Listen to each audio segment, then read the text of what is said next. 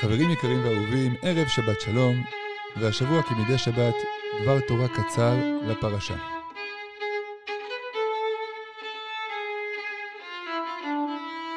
לא עליך המלאכה לגמור. הפרשה השבת, פרשת פקודי, עוסקת בעצם בשני נושאים עיקריים. הנושא הראשון זה הסכום הסופי, הסיכום של כל מה שתרמו ונתנו במדבר בבניית המשכן.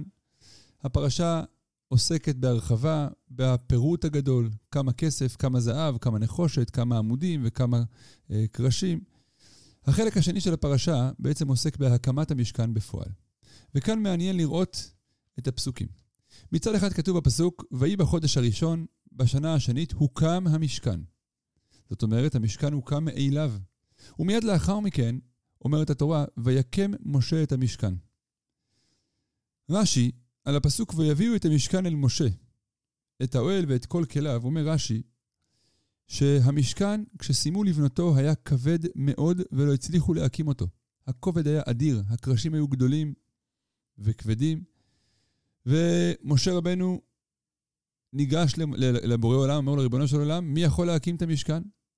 אמר לו בורא עולם, וזה לשון המדרש, עסוק אתה בידך, ונראה כמקימו, והוא נזקף וקם מאליו. אומר אלוקים למשה רבנו, תיגש לקרש, תרים אותו, אני כבר אמשיך. וכך היה. משה ניגש לקרש, הוא נוגע בו והקרש מתרומם כאילו קרטון ביצוע. בורא עולם מלמד כאן את משה תובנה נפלאה. עליך לעשות, אך לא עליך לסיים. אתה תעשה את מה שצריך לעשות, אני כבר אדאג לסיים. כשבתיה בת פרעה יורדת ליאור לרחוץ, אומרים חז"ל, היא רואה את התיבה במרחק של 30 מטר ממנה. במקום לחשוב ב- בשכל ובהיגיון איך אני אגיע לשם, האם יש סיכוי בכלל לראות מה יש בתיבה, היא פשוט מושיטה את היד.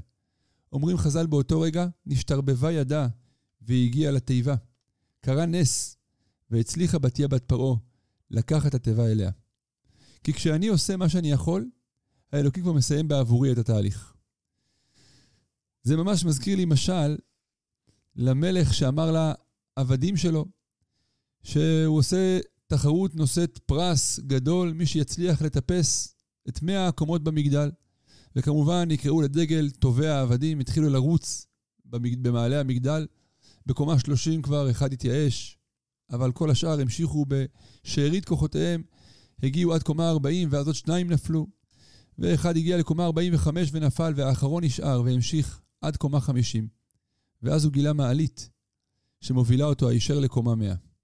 כי כשאתה עושה את מה שאתה מסוגל ומה שצריך לעשות, בורא עולם כבר דואג לסיים את התהליך כמו שצריך. אבל זה עוד לא הכל. בורא עולם גם לא מתחייב לסיים את התהליך בצורה שאני חשבתי שבה הוא צריך להסתיים.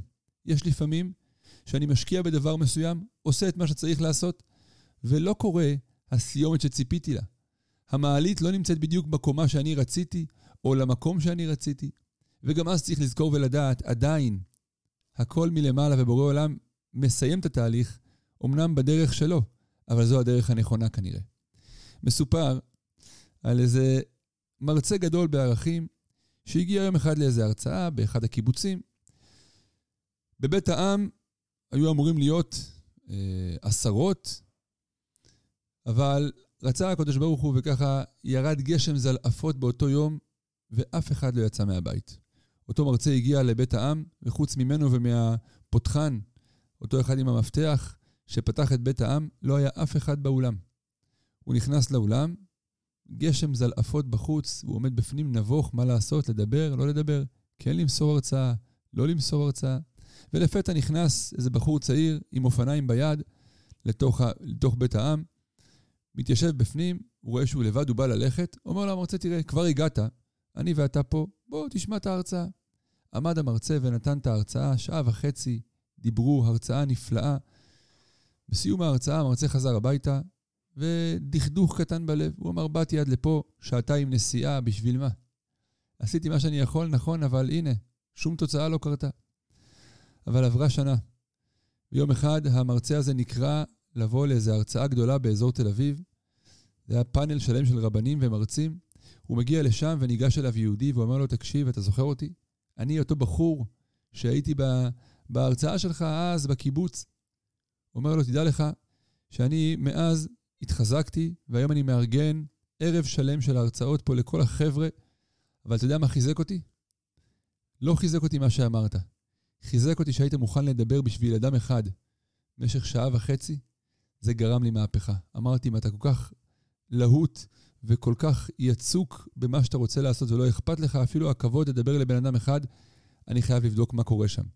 והנה אני בדרך. ללמדנו שאנחנו עושים מה שמוטל עלינו, ובורא עולם מסובב הסיבות, מסובב את הדברים בדרך שלו לתוצאה הנכונה והטובה ביותר, שיהיה שבת שלום ומבורך לכולם, שבת שקטה ומאושרת.